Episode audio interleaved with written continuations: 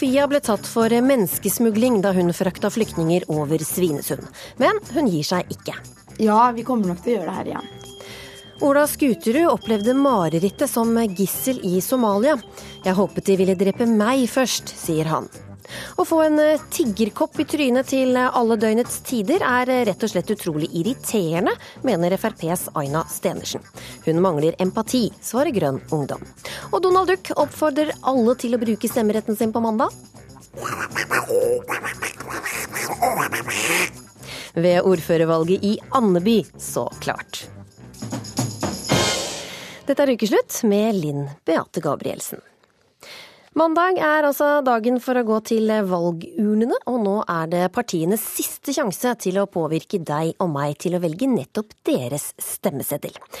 Reporter eh, Hedvig Bjørgum, du er nede på Karl Johan, hvor eh, valgbodene står tett. Og hvordan foregår eh, politikernes siste desperate framstøt mot velgerne der? Jo, det går jo først og fremst ut på å være hyggelig, ta imot alle som kommer. Og det er mange som er på Karl Johan på denne tradisjonelle siste lørdagen med valgboder langsmed hele Spikersuppa. Her kan du få gule ballonger, du kan få røde roser, kaffe selvfølgelig. Eh, og hos SV kan du spille sjakk. Det er vel for de som eh, tenker at de eh, har mye hjernekapasitet. Tenker jeg. Men vi traff en familie som går her hver eneste gang det er valg, og synes det er en sånn hyggelig familieting å gjøre, og går innom absolutt alle bodene. Men her, her er også Rasmus Hansson. Han kommer i Hva er det? Dette er jo en eh, riksjå. Jeg vet ikke om riksjåer har noe navn på norsk. Det er en eh, sykkel med en sofa uh, bak som man kan sykle med. Sånn som det er masse i India og Thailand og sånn. Og du har husket å ta på deg hjelmen i dag, ser jeg, for det har du fått pepper for tidligere. Ja, jeg var ikke særlig heldig med den der. Jeg er en permanent hjelmbruker, men i et lite fotostunt så ble vi litt for ivrige, og det har vi fått som fortjent for. Men Men Rasmus Hansson, du seiler i medvind, eller sykler i medvind, må jeg nesten si. Eh, du, deres parti kommer til å bli eh, en maktfaktor mange steder i Norge hvis meningsmålingene slår til også i valget. Det eh, blir vi hvis folk eh, stemmer som de har sagt de vil stemme, og det er helt avgjørende at de gjør. Da kommer det hundrevis av eh, folk fra Miljøpartiet De Grønne inn i kommunestyrer og fylkesting rundt omkring i Norge. Og da blir det fart i miljøpolitikken der. Da kommer det grønne løftet eh, og det grønne skiftet i gang lokalt, og det er der det må komme i gang. Hedvig eh, Bjørgum. For at norske byer og tettsteder og grønnere bygder skal bli grønne. Ja, hva skulle du si? jo, det er vel ikke bare politikere som kjemper om eh, folk som oppmerksomhet i Oslo sentrum i dag, er det vel? Nei, det er ikke det. Det er tillyst en stor, stor eh, demonstrasjon. Og jeg står her med Hedda Langemyr i Norges fredsråd. Hva er, dere, hva er det dere demonstrerer mot? Nei, nå er vi i en valgkamp hvor vi opplever at eh, politikerne fokuserer eh, mye på asylsøkerne som kommer til eh, Norge. De store humanitære aktørene fokuserer veldig mye på hjelp til nærområdene. Vi er her for å kreve at stortingspolitikerne i større grad også ivaretar kvoteflyktningene og øker antallet kvoteflyktninger til Norge. Dere vil ha omkamp? Vi vil ha omkamp på Stortinget om 8000 kvoteflyktninger og Syria-vedtaket. Eh, og vi vil også på en måte påpeke viktigheten av å ha alle disse tre tankene i hodet samtidig. Og demonstrasjonen er ventet å samle flere tusen mennesker i Oslo sentrum i dag. Takk skal du ha, Hedvig eh, Bjørgum. Det folkelige engasjementet for eh, flyktningene er stort. Det er også rekordmange flyktninger som nå tar seg over svenskegrensa og inn i Norge. I går kom 56 flyktninger over Svinesund, og flere nordmenn hjelper dem over eh, grensa. Natt til torsdag ble to biler stoppet på Svinesund med syriske flyktninger. De fire nordmennene er nå anmeldt for menneskehandel menneskesmugling. En av dem, det er eh, deg, Sofie. Velkommen til eh, ukeslutt. Hvorfor tar du loven i egne hender og henter flyktninger inn til eh, Norge? Natt til torsdag så um, fikk vi um, forespørsel om vi kunne hjelpe noen syriske flyktninger. Tre menn og en dame, et ektepar og brødre, to brødre. Om å hente de utenfor Svinesundgrensen. Og frakte de trygt fram til Tøyen. Og det sa vi ja til. Og arrange, ja, fikk tak i biler og fikk tak i sjåfører. Og dro og hentet de. Vi så syriske pass og fikk vite hvor de var fra. Bare litt sånn egentlig for å Ja, vi ville vite, da. De var fra byen Homs, alle sammen, i Syria. Og ja, så satte vi de varme biler, og de var veldig takknemlige for det. Og satte på litt hyggelig musikk og kjørte de tilbake igjen over grensen. Så kjørte vi gjennom tollen. Og da ble vi stoppet, begge bilene. Og um, de syriske flyktningene ble tatt ut av eh, bilen og skilt fra oss. Og vi ble da tatt inn til politiet og avhørt, og ble da anmeldt for menneskesmugling. Og um, de var veldig tydelige på at det var Hadde ingenting å si om de var flyktninger eller hva det var, da. Vi prøvde å forklare at men det er jo ikke ja, Vi har ikke noe vinning i det her. Vi har bare vi, Altså, de hadde Alle sammen eh, hadde Ekteparet og brødrene hadde en lapp. Og eh, det var adressen til Tøyen politi, og de visste hvor de skulle. da, De skulle registrere seg. Og, men vi ble i hvert fall anmeldt for menneskesmugling eh, fordi vi hadde eh, kjørt mennesker under, uten lovlige papirer over grensa, da. Men hva var det som fikk deg til å være med på det her? Jeg personlig hadde hentet de ned i, i Syria hvis jeg kunne, hvis jeg hadde ressurser til det. Jeg gjør det fordi at vi må hjelpe de som trenger hjelp. Det er veldig enkelt. Og de andre tre også, de er mellom 20 og 25. En er medisinstudent, en studerer byggingeniør. Vi er helt vanlige mennesker som bare OK, vi har biler, vi har penger til bensin, dette kan vi hjelpe til med. Har du snakket med flyktningene igjen etter det her? Ja. Hvordan reagerte de på at de havnet i den situasjonen? Mm, vi så, har faktisk vært og møtt alle fire i dag på Refstad. For vi lette det opp litt for å berolige det og si at det gikk greit med oss. For de var veldig opprørte og veldig lei seg på våre vegne når vi ble tatt. Og det virket nesten som om det var like nesten mer ille for de enn for oss. Da. Men har jo, folk har jo forskjellige opplevelser og erfaringer med politi. Um, og de var egentlig veldig takknemlige bare for at de var på, på norsk jord. Og kunne ikke takket oss nok og håpet at ikke vi kommer til å få for stor jeg vet ikke, konsekvens. Eller, ja. Mm. Men hvorfor var det nødvendig å få dem til eh, Norge, all den tid Sverige også er et eh, mm. trygt og godt land? Ja. Um, det inntrykket jeg fikk, var at eh, de hadde venner her. De to unge guttene hadde venner her og ville søke asyl. Man vil jo ha mm, tilhørighet da, når man kommer til et helt nytt sted. De må jo få ha en formening om hvor de vil starte opp og ende opp, ende opp med livet sitt, selv om de velger, velger bort to andre trygge land, da, som vi kaller trygge land. Hva tenker du nå om at dette kan få konsekvenser for deg?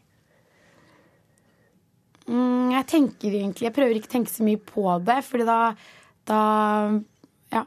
Jeg bare Jeg håper at det er noen Jeg håper at eh, lover og regler regjeringen klarer å forstå i den tiden vi er i nå, at man ikke, alt kan ikke være så firkanta.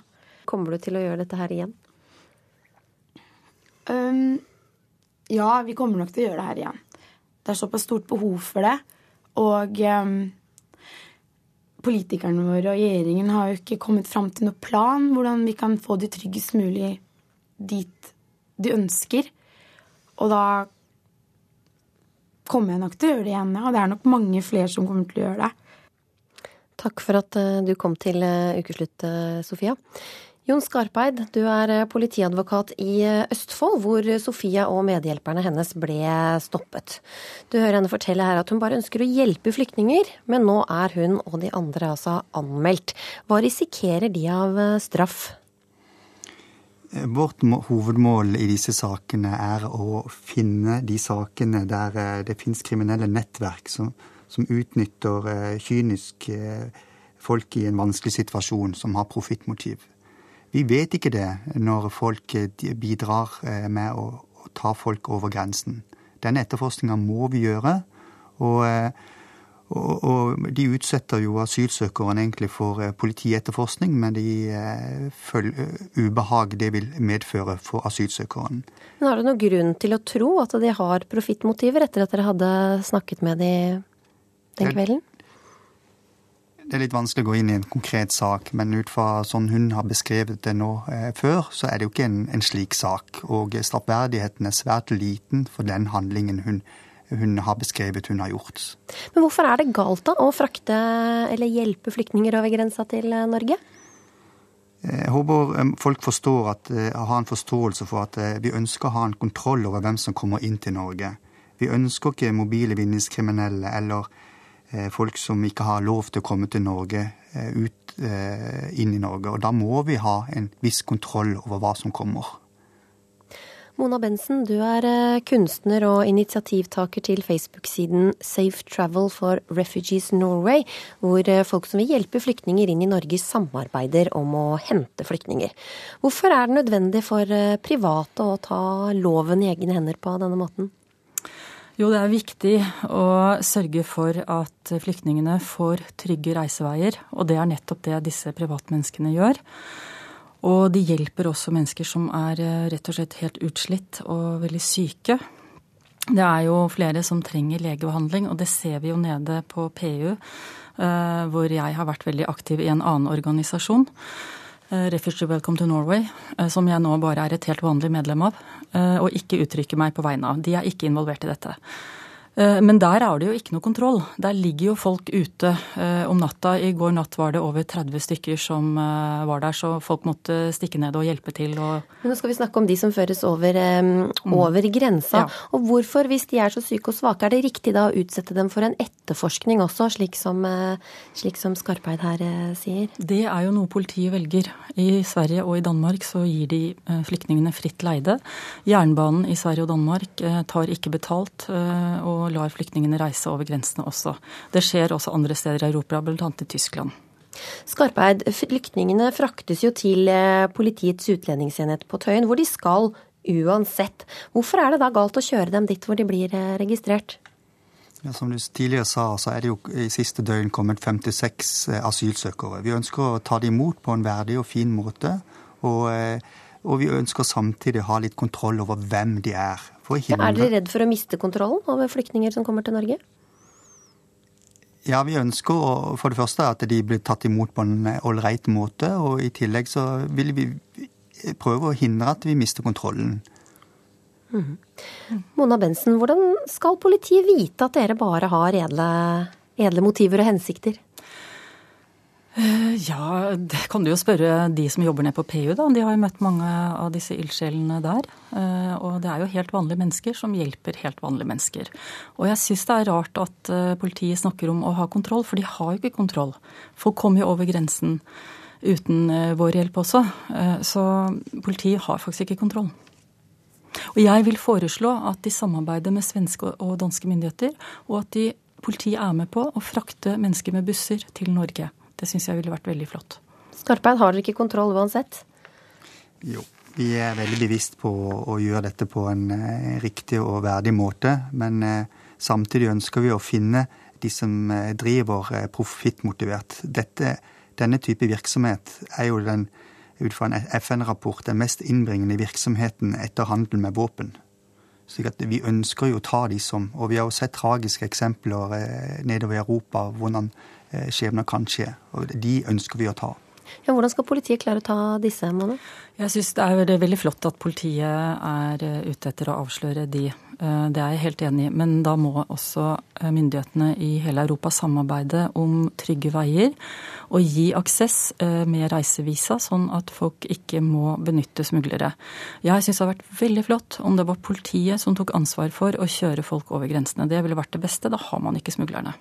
Ja, kanskje du skulle brukt tida på det, Skarpeid? Ja, det er iallfall et felt ikke jeg kan svare her og nå på. Dette må jo være en samarbeid mellom eh, både Norge og Sverige. Mm -hmm. Men Vensen-flyktningene som ble forsøkt smuglet inn i Norge natt til torsdag, de var jo i Sverige. Og Sverige er jo også et uh, trygt uh, land. Hvorfor var det så viktig å få dem til Norge? Da uh, har jeg forstått det sånn at veldig mange som vil til Norge, de har da venner og slekt her. Så det handler faktisk om å bli forent med sine egne. Så er det jo noen som eh, oppfatter Norge som et uh, veldig fint land.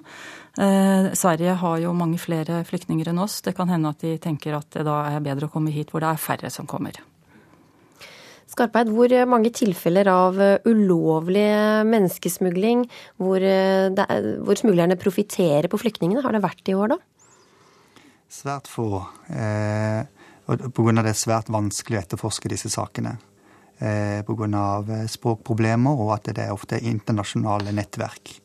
Eh, det er kun eh, to-tre stykker vi har eh, tydelig sett at det er profittmotiv av til sammen 43 saker. Mona Bensen, dere lar dere ikke skremme av at dette kan få konsekvenser for dere personlig, da? Nei, eh, det, her er jo historisk. At folk hjelper uh, flyktninger uh, over grenser. Det har skjedd også under annen verdenskrig.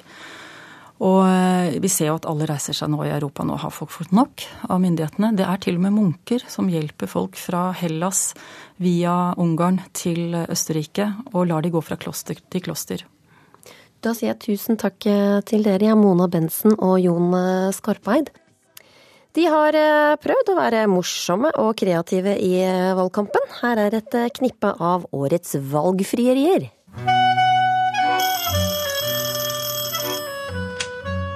Hallo igjen. God dag, statsminister. Til Raymond, kameraten min her, han snakker ikke så godt norsk. Da tar jeg det på urdu. Pitsle særlig flatt Grønland. Ja, mye å gjøre i dag. Ja, travel dag. Vi pleier jo ikke å kjøre taxi, jeg, vet du. Nei, nei. jeg nei. Jeg vet det. Du, Hva syns du om at da, Venstre skal bygge 2000 studentboliger? Sitter i telefoner. Å ja, å ja, oh, ja. Så bare gjør ferdig, du. Ja. Jeg har egentlig funnet ut at dette er godt for alle som har litt innebygget aggresjon.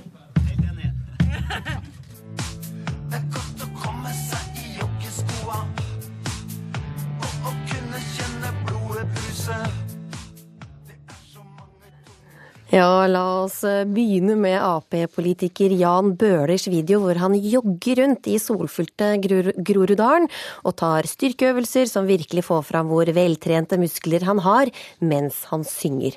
Aslak eh, Borgersrud, Dagsavisens eh, slask på tinget. Hva er det Bøhler prøver å fortelle oss med denne videoen? Oh, nei, det, det, er så mye. Det er så mange lag og så, så mye fint. Først og fremst så har jeg vel inntrykk av at han at, at det er det, altså Jan, det er, det er, den virkelige Jan vi får her, og som han viser fram. Og, og en del av den virkelige Jan er helt åpenbart hvor sjukt store muskler den virkelige Jan har. Og, og det, det, setter han pris på å få vise fram. Um, Ellers så vil han jo sånn eh, konkret vise fram eh, østkanten og trening i Groruddalen og, og, og, sånn, og det er jo et uh, et, eh, det er jo ålreit, det. altså. Og så vil han selvfølgelig vise fram uh, sine, sine, egenskaper som musiker, og det er jo også en del av den virkelige Jan. Ja, Hvordan syns du han kommer fra det? Altså, uh, det er jo ikke så fint, men det er jo veldig um, Altså, På en måte så liker jeg det, fordi at det er så, det er så, det er så det er noe, Han viser fram sitt, sitt, sårbare jeg. Også på det der med ekshibisjonismen. liksom. Han viser fram liksom hvor, hvor, hvor kult han syns det er at folk ser på musklene sine. Det er jo ganske flaut å synes det, liksom, å være rikspolitiker og stå der og vise fram musklene sine på TV. Men, men, vi får på en måte i det minste se den virkelige Jan, enda eh, sjøl om det er litt flaut. Eirik Bergesen, skribent og tekstforfatter. Hva forteller Bøhler deg med denne videoen? Eh, jeg syns det er helt fantastisk. Altså, Han er seg sjøl. Eh, og det er jo det som er poenget med politikere. ikke sant? Altså, De skal jo um, tørre å være personlige, og de er jo ikke tipunktsprogrammer, selv om noen tror det. Han gir jo alt. ikke sant? Han, han løper og, og, tøyer og strekker og hever seg opp, og, og, og alle muskelgrupper er i spill. Det ser vi jo på han. Og så spiller han musikk. og Han gir alt. Og så gir han alt for altså han, der han kommer fra, ikke sant, Grorud. Altså hvor, hvordan ble du politiker? Hvor kom engasjementet fra? Det er ofte noe som drukner, i hvert fall i mediene, men ofte i politikerens eh, hode også. Jan Bøhler er det ingen tvil. Og dette er jo et lokalvalg. Eh, jeg fikk lyst til å flytte til Groruddalen da jeg så, så, det innslaget. Ja, Men når dette her ut da, til flere enn eh, groruddølinger og treningsnarkomane, tror dere? Altså, jeg tror ikke det overbeviser noen andre enn Arbeiderparti-velgere, men um, det, det, vekker menigheten. Og det er også viktig i politikk. ikke sant? Altså, Du skal engasjere de som allerede tror uh, på deg, for det er jo de som skal ut og selge budskapet ditt. Det er de som over en kaffekopp på, på Grorud-senteret skal overbevise naboen, ikke sant. Du må varme opp dem. Mm. Mm. Så er det jo noe med at, at flaut er jo i det minste noe. Det er bedre at det er flaut enn at det ikke er noe. Og, og, og jeg synes det er kjempe... Jeg, jeg, jeg, får litt sånn fysisk ubehag fordi jeg syns det er så flaut. Og, og jeg, jeg, blir egentlig litt frastøtt også. Jeg, får virkelig ikke lyst til å stemme Arbeiderpartiet av denne videoen. Men, men liksom, det er jo likevel et eller annet Man, man, blir, man får litt sånn moderlig omsorg, kanskje. Vi må snakke om eh, Erna og trommesettet også. Og på Opplysningskontoret, Eirik, der har du en videopodkast hvor du sitter og trommer Erna-suiten foran eh, Stortinget. Hva er det Erna oppnår med å vise at hun overhodet ikke kan spille trommer. Det tok litt tid å lære seg Erna Suiten. Det er jo eh, en spesiell teknikk hun har der. Um, Erna hun, hun, gir også av seg sjøl. Uh, og hun hopper og spretter og gjør ting hun ikke kan, um, stadig vekk. Og hun er veldig uhøytidelig. Jonas Gahr Støre ville aldri gjort disse tingene her. Um, sånn at altså Erna viser også velgerne at hun er risikovillig. Eh, hun, eh, hun velger å, å, være personlig, være seg sjøl. Eh, og det er også et budskap. Så er det mer enn nok anledninger til å komme med, med tipunktsprogrammene og, og den langsiktige politikken. Eh, så dette er veldig fint. Altså, hvis du klarer å koble de to, så er det jo, er det jo enda bedre. Jens Stoltenberg sin, sin taxistunt i gåsehendene eh, ved forrige valg var et godt eksempel på det. Hvor man tenkte at eh, Jens er ferdig, han er på vei til utlandet, han gidder ikke mer. Og så kommer han tilbake med et kjempepersonlig engasjement og vant ikke valget, men han gjorde nok tapet mye mindre enn det det ellers ville vært. Å kjøre taxi. Men Aslak, du har jo også bakgrunn som artist og musiker i gatas parlament. Hvor mm. godt håndlag syns du Erna har med trommestikkene? Nei, nei, hun har vel eh, håndlag som en som aldri har spilt tromme før. Og det er jo i og for seg sympatisk nok. Jeg synes jo eh, eh, På en måte så liker jeg jo at folk som ikke kan spille instrumenter, spiller instrumenter. Selv om det her kanskje var liksom hakk, eh, hakk utafor hva, hva, hva, jeg ville satt på på, på, på, på Spotify. da. Mm.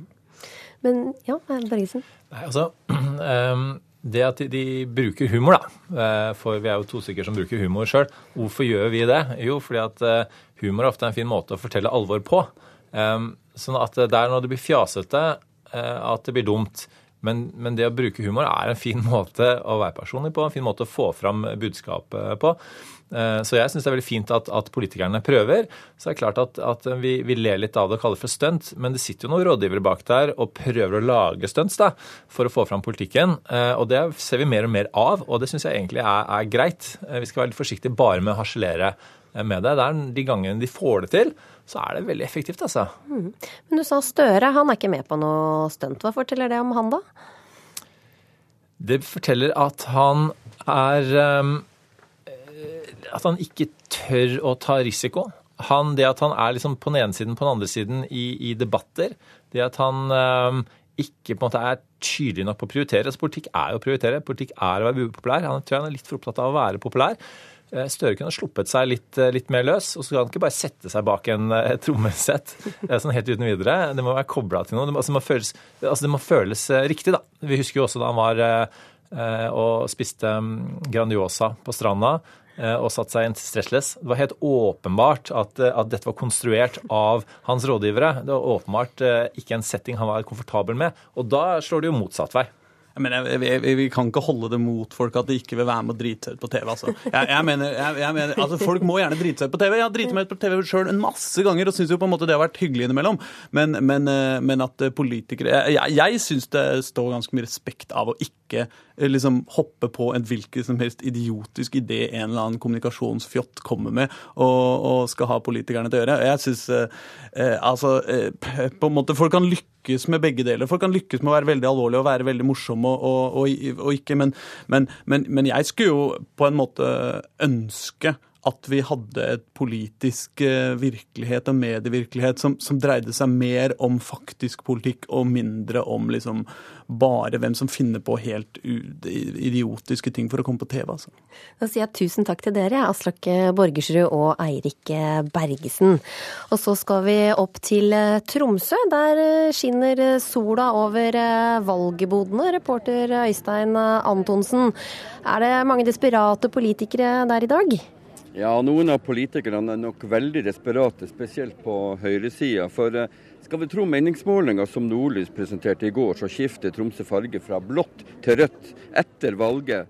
Eh, nå er det jo slik at Høyre, Frp, Venstre og KrF har styrt denne byen i fire år nå, men på siste meningsmåling så får partiet Rødt altså hele 17,2% og dermed så er partiet nesten like stort som Høyre. Og hvem skulle trodd det for noe et par eh, måneder siden? Men man skulle da tro at de var skikkelig desperate rundt valgbodene der, da? I hvert fall fra høyresida? Ja, de er nok det. De er, de er, nok veldig desperate. Og de deler ut sukkertøy og deler ut vafler i hytt og pine, så vi får jo se på mandag. Men blir det resultatet ved valget på, på mandag, så, så, blir det også regimeskifte i Tromsø, der Arbeiderpartiet danner byråd alene med SV og Rødt. Men er det noen velgere da som fortsatt orker å snakke med politikerne nå, etter ukevis med, med, valgkamp? Ja, ja, ja, det er det. Sitter her i solvarmen på en utekafé i Tromsø med to hyggelige damer. Ada Linseth, du er fra Oslo. Tror du på det politikerne sier? Eh, det er jo litt vanskelig å vite om de kommer til å gjøre det de lover. Men eh, man vil jo helst tro på det de sier. At de står for det de går ut med. Ja. Maria Løiten, eh, gjør du det? Tror du på politikerne, det de, eh, det de sier i valgkampen? Man vil jo tro det de sier, men eh, man vet nå aldri. Har du, har du, bestemt deg for hva skal, du skal stemme? Eh, ja, det har jeg. Jeg har vært og forhåndsstemt. Så det har jeg gjort. Som dere hører, det er fortsatt eh, stor politisk bevissthet her. Og det er fortsatt noen som prøver å kapre de siste stemmene. Og blir været slik på valgdagen som det er i dag i Tromsø, så blir det nok ganske stor valgoppslutning. Det er det vi har å si herfra tilbake til studio i Oslo. Takk skal du ha, reporter Øystein Antonsen. Arbeidsledigheten øker, og oljebransjen lider mest. Å gå arbeidsledig er som å bli brennmerka, advarer professor. FrPs Aina Stenersen irriterer seg over eh, tiggerne. Grønn Ungdom irriterer seg over at eh, Frp bruker tiggerne til å mobilisere velgere. Og ukeslutt følger eh, ordførervalget i Andeby, hvor Bjørnhard Moskusneset fra Søtt topper valgmålingene akkurat nå. Det skulle vært det tryggeste av alle yrker å jobbe med det svarte gullet. Men eh, lav oljepris og nedgangen i oljeinvesteringer har gjort at mange har mista jobben. Nav melder at antall permitteringer og oppsigelser har dobla seg på ett år, og arbeidsledigheten er den høyeste siden 2006. Reporter Gry Veiby har møtt Odd Om jeg kunne komme på besøk, og da eh, visste jeg med en gang hva det gjaldt for noe.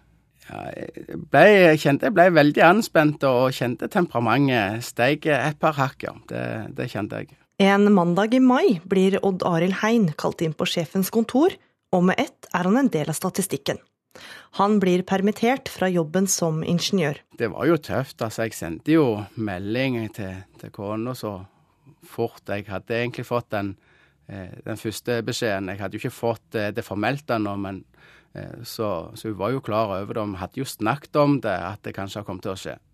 Så når jeg kom hjem, så, så samla vi rundt eh, middagsbordet og snakket med resten av familien om det. At, eh, at, de, at, at de nå kom til å få meg litt mer hjemme. Barna på 15, 13 og snart 9 får beskjed om at Netflix og Spotify ryker, og at familien må tenke penger på en helt annen måte enn før.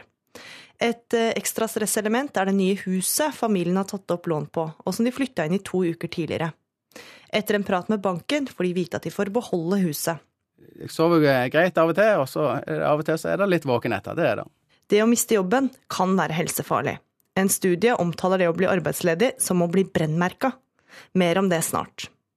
En annen de har vært i kontakt med, følte at han mista språket etter å ha vært arbeidsledig en stund. Lysten på kontakt med andre mennesker forsvant. Hvis det ikke er bevisst, så går du fort ned. Altså, det er to-tre uker, og så er det game over, for å si det sånn. Altså, da, er du, da er du tapt hvis du ikke tar tak i det med en gang. Odd Arild Hein veit hva han snakker om. Det er ikke første gang han mister jobben. Jeg leste i avisa når jeg skulle begynne på studiet at det stod at sånn, Norge har behov for 10 000 ingeniører. Og det er da to år siden. Victoria Røsjø sitter bøyd over kafébordet. Hun går siste året på ingeniørutdanninga ved Høgskolen i Oslo og Akershus. Også neste år, eller året etter, så falt jo oljeprisen, og da var det krise. ikke sant? Eh, folk mister jobben, og det går utover ingeniørene, og det rammer oss veldig. Og da ble jo selvfølgelig fra å gå til at det var liksom det sikreste jeg kunne velge, til at det plutselig var usikkert, så blir man litt mer bekymra.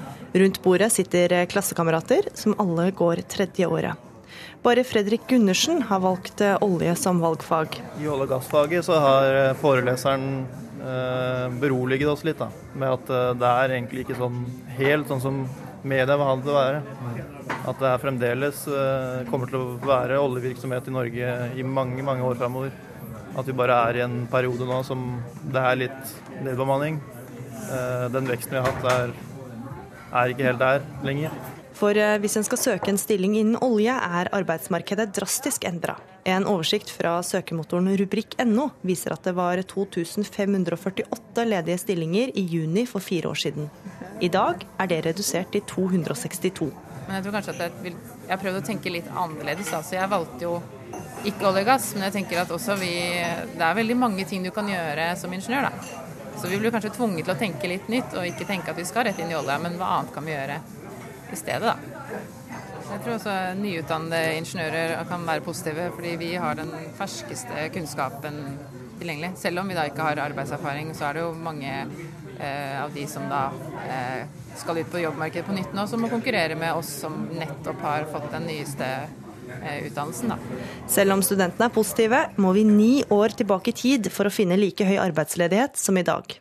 Og det skal bli verre. Så langt i år har Nav mottatt varsler om til sammen 25 000 oppsigelser og permitteringer i alle bransjer. Det er over 50% mer enn i samme periode i fjor. Det å miste jobben, ja det har langtidseffekter. Øyvind Anti Nilsen er professor i samfunnsøkonomi ved Norges handelshøyskole. Når man treffer nye mennesker, så er det en av de første spørsmålene man, man stiller eller svarer på, det er hva er det du driver med, da? Hva er, jobber du med? Så veldig mye av vår selvrealisering og selvbilde blir danna eh, gjennom den feedbacken vi får på jobben. Han har undersøkt konsekvensen av å bli arbeidsledig, og ble overraska over hvor lenge den negative effekten av å miste jobben varer. Vi analyserte hvis du har mistet jobben, har du da økt sannsynlighet for å miste jobben også på et senere tidspunkt. Og når vi sammenlignet de som en gang hadde mistet jobben, med de som ikke hadde mistet jobben, ja, så var det klart at de som hadde initielt mistet jobben, ja, de hadde også en høyere sannsynlighet for å miste jobben på et senere tidspunkt. Det er dette han kaller å bli brennmerka. Det å bli brennmerka er en betegnelse hvis det har langt, vi ser langtidseffekter av dette å ha blitt ledig. For kommer du deg ikke fort ut i jobb igjen, mister tiltakslysten, og en framtidig arbeidsgiver vil lure på hvorfor det var nettopp du som måtte gå. Hvis du virkelig virkelig går lang tid, så kan dette brennmerketheten, dette brennmerket, bli veldig alvorlig. For de har mista evnen eller kunnskapen eller til å komme seg opp om morgenen, eller i det hele tatt å være, komme seg ut på en jobb. Jeg kjenner jo folk som ble profesjonelle arbeidsledige. Eh, og det, det, er jo 15-20 år tilbake igjen, for å si sånn, men, men allikevel så altså, Jeg tror nok noen av de som blir gående lenge, de blir arbeidssky, tror jeg. Også sist det var nedgang på oljemarkedet, mista Odd Arild Hein jobben. Altså, jeg følte jo ikke jeg var noe sånn jeg følte ikke jeg fikk utnytta potensialet mitt. Altså, jeg følte meg litt sånn eh, mindreverdig. Jeg gjorde det. Det, var, det ble liksom en ond spiral. Det tok åtte måneder før han fikk ny jobb igjen. Det vi savner først, iallfall jeg savner først, det er at jeg ikke eh, får ikke brukt dagen min skikkelig. Og det å treffe arbeidskollegaene, det er liksom det som jeg savner mest. Hein har vært permittert siden i våres og har fortsatt ikke noe jobbtilbud. Det har ikke lært meg at jeg ikke skal sette meg ned, at jeg må hele veien sette opp et program for, for dagen, sånn at jeg ikke blir sittende stille. Eh, at jeg har noe å gjøre på, så, så, og, og se framover. I Storbritannia er eh, venstreradikale Jeremy Corbyn akkurat valgt til eh, ny leder av Labour. 66 år gamle Corbyn har vært eh, svært omstridt, men 59,5% av Labour-medlemmene ga sin støtte til ham.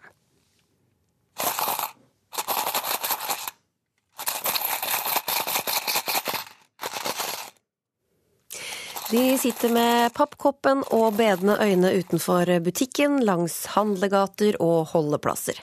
Å få en tiggerkopp i trynet i Oslo til alle døgnets tider er rett og slett utrolig irriterende. Det skrev du i Dagbladet, Aina Stenersen, bystyrekandidat for Oslo Frp. Og på hvilken måte er det irriterende? Ja, Først og fremst så er det fordi jeg ønsker å få folk ut av fattigdom. Eh, og at jeg mener at tigging ikke er en måte å komme seg ut av fattigdom på.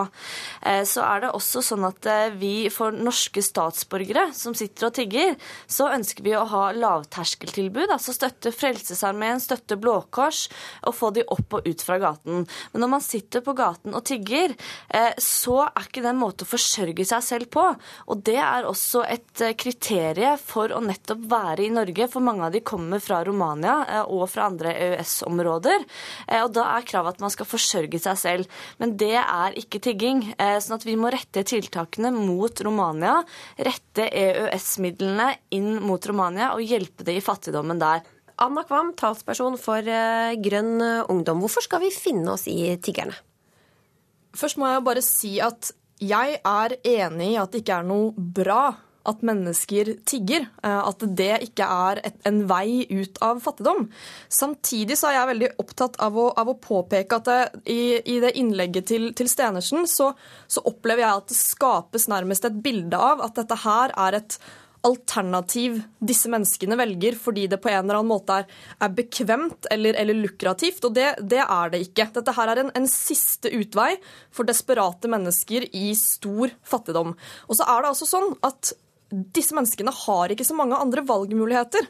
Og jeg mener at hvis vi da fjerner den, det ene alternativet de har, uten at vi kan tilby noe annet, så, så, hjelper ikke det oss å hjelpe dem ut av fattigdom. Jeg er enig i at vi skal, skal uh, hjelpe mennesker, hjelpe særlig barn som vokser opp i fattigdom i Romania, hjelpe mennesker i sosial nød i Oslo, men det er ingenting ved det å, å forby tigging som gjør det noe lettere. Snarere vanskeligere hvis disse menneskene da ikke har noe alternativ på, på mellomveien. Stenersen, det hjelper ikke tiggerne å forby dem å tigge? Det som vi ser, er at den tiden man bruker på å sitte på å tigge, kunne vært brukt til noe annet. Og så er det viktig også å se på at det faktisk er de som, har, de som er aller fattigst, er tilbake i Romania. De har ikke råd til å foreta en reise, til å reise helt til Norge eh, og være her. Og det er mange som reiser til og fra Norge, eh, og de har penger til å reise til og fra. Sånn at de aller fattigste er i Romania. Men er det bare tiggerne fra Romania som er irriterende, eller er andre tiggere også irriterende? Vi ønsker å hjelpe folk ut av fattigdom. Det er poenget. Poenget er at det er ingen som blir rik av å sitte og tigge på gaten. Og da må vi ikke godta det. Godtar vi tigging, så godtar vi fattigdom. Men, men jeg godtar ikke tigging. Jeg kjenner, Når jeg går forbi tiggere på gata, så kjenner ikke jeg på, på irritasjon. Jeg kjenner på mer en, en, frustrasjon og en maktesløshet fordi at det, det er vondt at mennesker er i så stor nød. Men jeg kjenner meg ikke som offeret i den situasjonen. De som har det vanskeligst, er jo de som sitter der og er drevet inn i en så uverdig situasjon. Men eh, det er rett som Stenersen sier, at, eh, at, tigging hjelper ikke mennesker ut av fattigdom. Men det gjør ikke et tiggeforbud heller. Eh, og så er det sånn at all den tid vi fortsatt har tiggere på gata, så er jo det beviset på at alternativene for disse menneskene her, de andre valgmulighetene de skulle ønske at de hadde, de er ikke til stede. Det å hjelpe Men folk nå... ut av fattigdom tar veldig lang tid, og hvis vi skal gjøre dem kriminelle på halvveien, så fører det kanskje til og med at de faktisk blir men, kriminelle. Men det Miljøpartiet De Grønne siden ungdomsparti ikke har forstått, det er også at veldig mange av de som tigger, allerede driver med annen virksomhet på siden, og det er organisert kriminalitet. Eh, både Kripos Kripos og Oslo politidistrikt har laget rapporter som viser at veldig mange dømmes og siktes for vinningskriminalitet. Så henviser man også ofte til en Fafo-rapport. I en Fafo-rapport har man spurt nettopp tiggere og andre om de driver med kriminell virksomhet, og selvfølgelig, hvis man driver med kriminell virksomhet, så svarer man jo nei på det.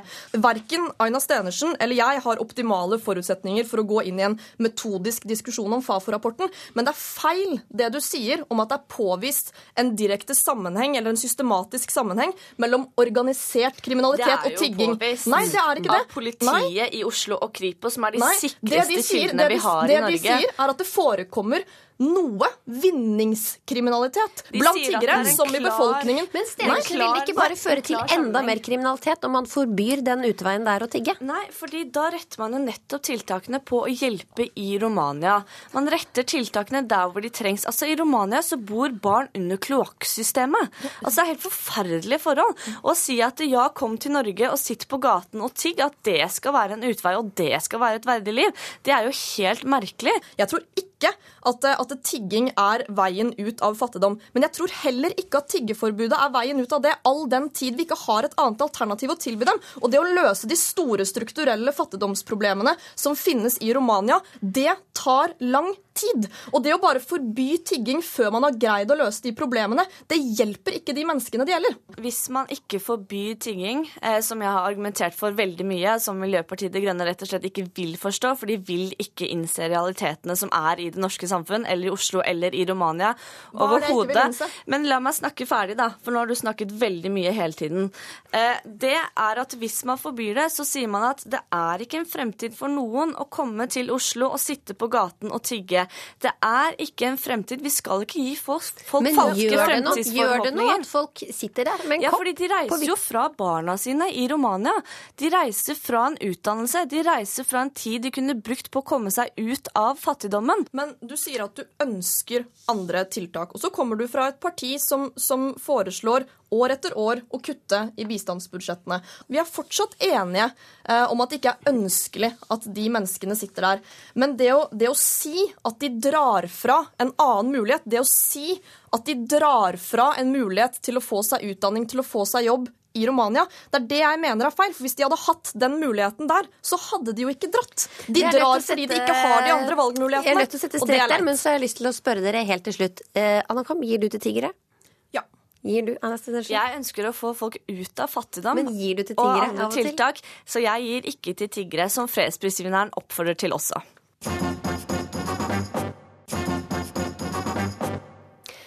Denne uka ble det kjent at eh, IS har hatt nordmannen Ole Johan Grimsgaard Ofstad som gissel siden januar. Basert på analyser av det bildet som i går ble publisert, og den informasjonen vi har, eh, så er vår vurdering at bildet sannsynligvis er tatt den siste måneden. Vi jobber videre med det utgangspunkt at Grimsgaard Ofstad fortsatt lever. Slik vurderte utenriksminister Børge Brende situasjonen tidligere i uka. En som vet veldig godt hvordan det er å bli tatt som eh, gissel, det er deg, Ola Skuterud. Det skjedde da du jobbet for eh, Røde Kors i eh, Somalia. Fortell hva som skjedde. Vel, vi kom flyvende innover Mogadishu tidlig en morgen, og øh, øh, til en flystripe som ikke var beskyttet i det hele tatt. Og øh, bare noen minutter etter at vi hadde landet, så var vi da omringet av væpnede militia, som øh, tok ti stykker av oss som gisler og kjørte inn til Mogadishu, hvor vi ble holdt da i ett rom i ni døgn. Vi ble frastjålet alt hva vi hadde, og ble truet. eh, Etter et døgn så ble vi truet på livet. Eh, De ville henrette noen av oss for at vi skulle forstå, de utenfor skulle forstå at dette var alvor. Ja, hvordan opplevde du det? Vel, første reaksjonen min, fordi at vi hadde da Jeg hadde jo jobbet i Somalia i flere år og var klar over at her var det en mulighet for å bli kidnappet. Det var mulig å, å få eh, en revolver opp i ansiktet og sånt. Så vi var klar over at faren er der. Og det er det man må være forberedt på. Og ta inn over seg at sånn kan skje. I den grad det er mulig å forberede seg. Så Jeg hadde alltid tenkt at jeg skulle være den eneste alene å bli kidnappet. Og eh, første reaksjonen min da vi var ti stykker, det var jo Men jeg er jo heldig som er sammen med noen når vi er kidnappet. For det var en stor styrke. Men når de begynte å true med å drepe dere, hvordan reagerte du da? Da skjønte vi jo at dette mener de alvorlig, og jeg må innrømme at da kom frykten. Jeg, I et par tilfeller så var jeg ganske sikker på at mitt siste minutt hadde kommet. Eh, og eh, den trusselen som henger der hele tiden, den skaper en frykt både hos seg selv og de omkring seg. Eh, men det vi opplevde, det var jo at det var ikke bare vi som var redde kidnapperen også var redde. Så det gjelder på den måten å, det gjelder å skape et, en, en, trygg I den grad det er en, en positiv eh, stemning mellom kidnapperne og den kidnappede. Men eh, du ønsket også å bli tatt først. Hvorfor det? Jo, eh, det høres vel Jeg føler jo det i ettertid at det, er, eh, det var en feig reaksjon hos meg. Ved særlig én anledning så ble vi oppstilt, og jeg var helt sikker på at nå skulle jeg skytes. Og eh, jeg sto der med merkelig, et merkelig ønske om at ta meg først. Fordi at jeg var livende redd for at, å se at andre ble henrettet. Så eh, heldigvis så ble det ingenting av det, men eh, den reaksjonen der er, kan, ja, Det er vanskelig for meg å forstå den nå også, men det var sånn det var. Og vi reagerer vel helt eh, Man reagerer spontant. Man reagerer unormalt i mange situasjoner, men samtidig så er det helt utrolig hvilken styrke man også har når man virkelig utsettes for sånne hendelser. Men hvordan opplever du det nå, når vi har en ny gisselsituasjon med den bagasjen du bærer med deg? Jo, jeg eh, ikke det at jeg forsøker å sette meg inn i hans situasjon, men jeg kan tenke meg at han eh, Jeg, jeg føler med og tenker da tilbake til hvordan vi satt der og hadde det og ble truet.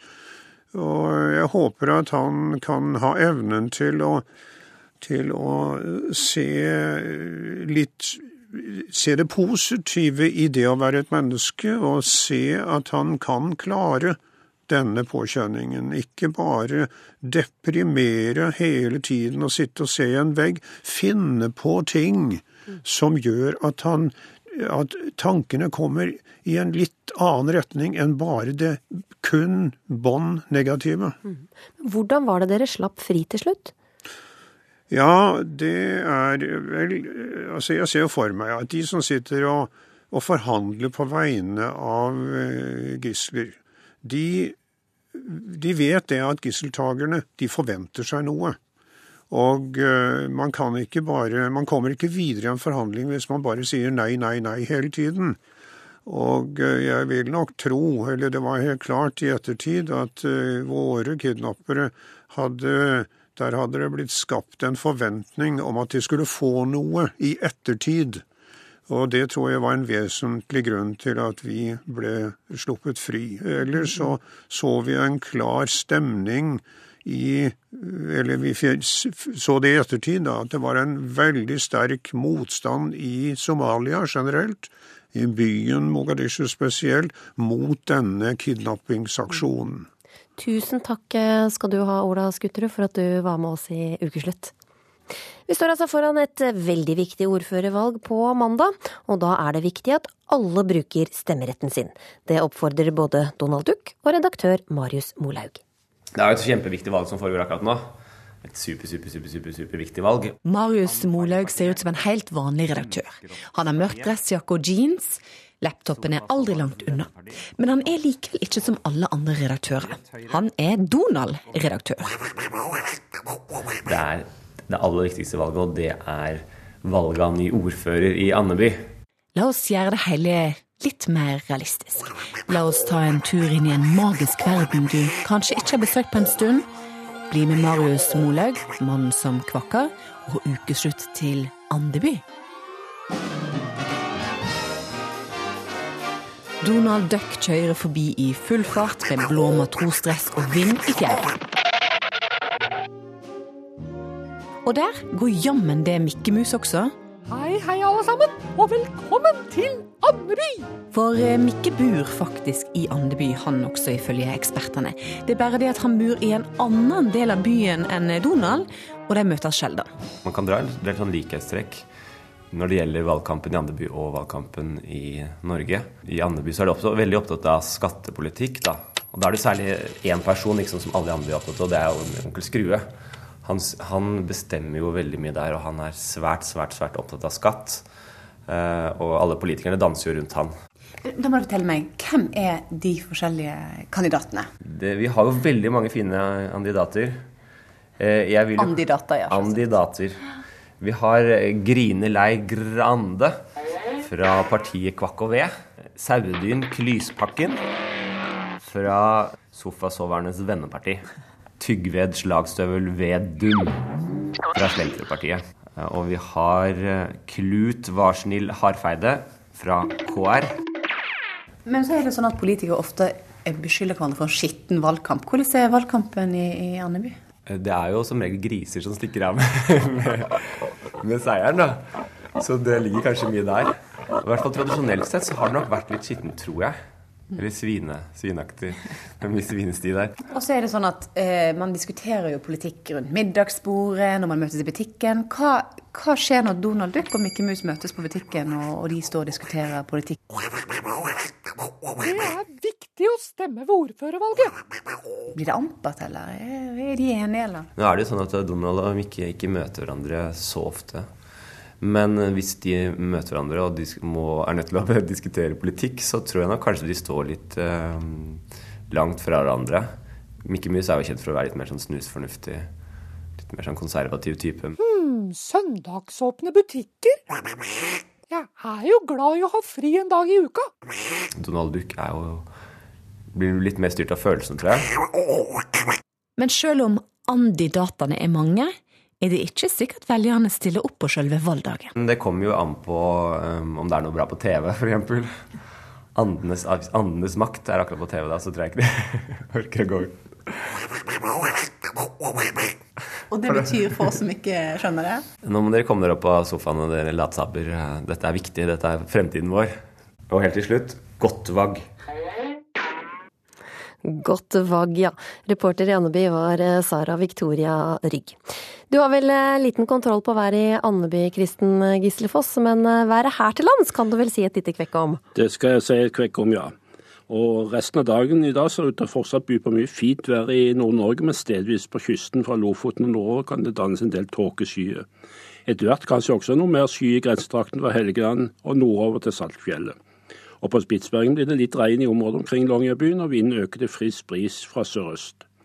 Og I Sør-Norge ventes stort sett pent vær nord for Stad og Dovre, og lenger sør blir det mer skyer. og I Rogaland, Telemark og sør på Østland kan det komme enkelte regnbyger.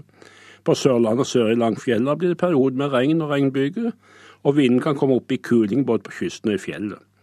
Og På søndag fortsetter vi stort sett pent vær i Nord-Norge nord for Salten, men i Troms og Finnmark er det mulighet for lokal nattetåke og nattefrost i innlandet. Fra Salten og sørover er mulighet for litt regn i grensedraktene. I Nordland kommer vinden opp i kuling utsatte sted fra sørøst. I Sør-Norge ventes sørøstlig kuling både på kysten og i fjellet. Sterkest vind lengst i sør. Og det blir perioder med regn og regnbyger, mest i sør. Møre og Romsdal og ytre strøk av Trøndelag får stort sett opphold. Og på Spitsbergen omkring Longyearbyen er det litt regn av og til fortsatt, og sørvestlig liten kuling først på dagen. Temperaturene, da, hvordan ligger de an? Ja, Temperaturene både Tromsø og Trondheim 17 grader, Bergen 19 Kristiansand 15, Oslo 14 og høyest temperatur klokka 13 og var Dividalen i Troms med 20,8 grader. og Kaldt i natt var det i Folldal-Tredheim med minus 2,9. Dette var altså siste kvekk fra ukeslutt i dag. Ansvarlig for eh, sendinga var eh, Kari Li, teknisk ansvarlig Eli Kyrkjebø, og i studio Linn Beate Gabrielsen. Og da ønsker vi dere alle en riktig god helg.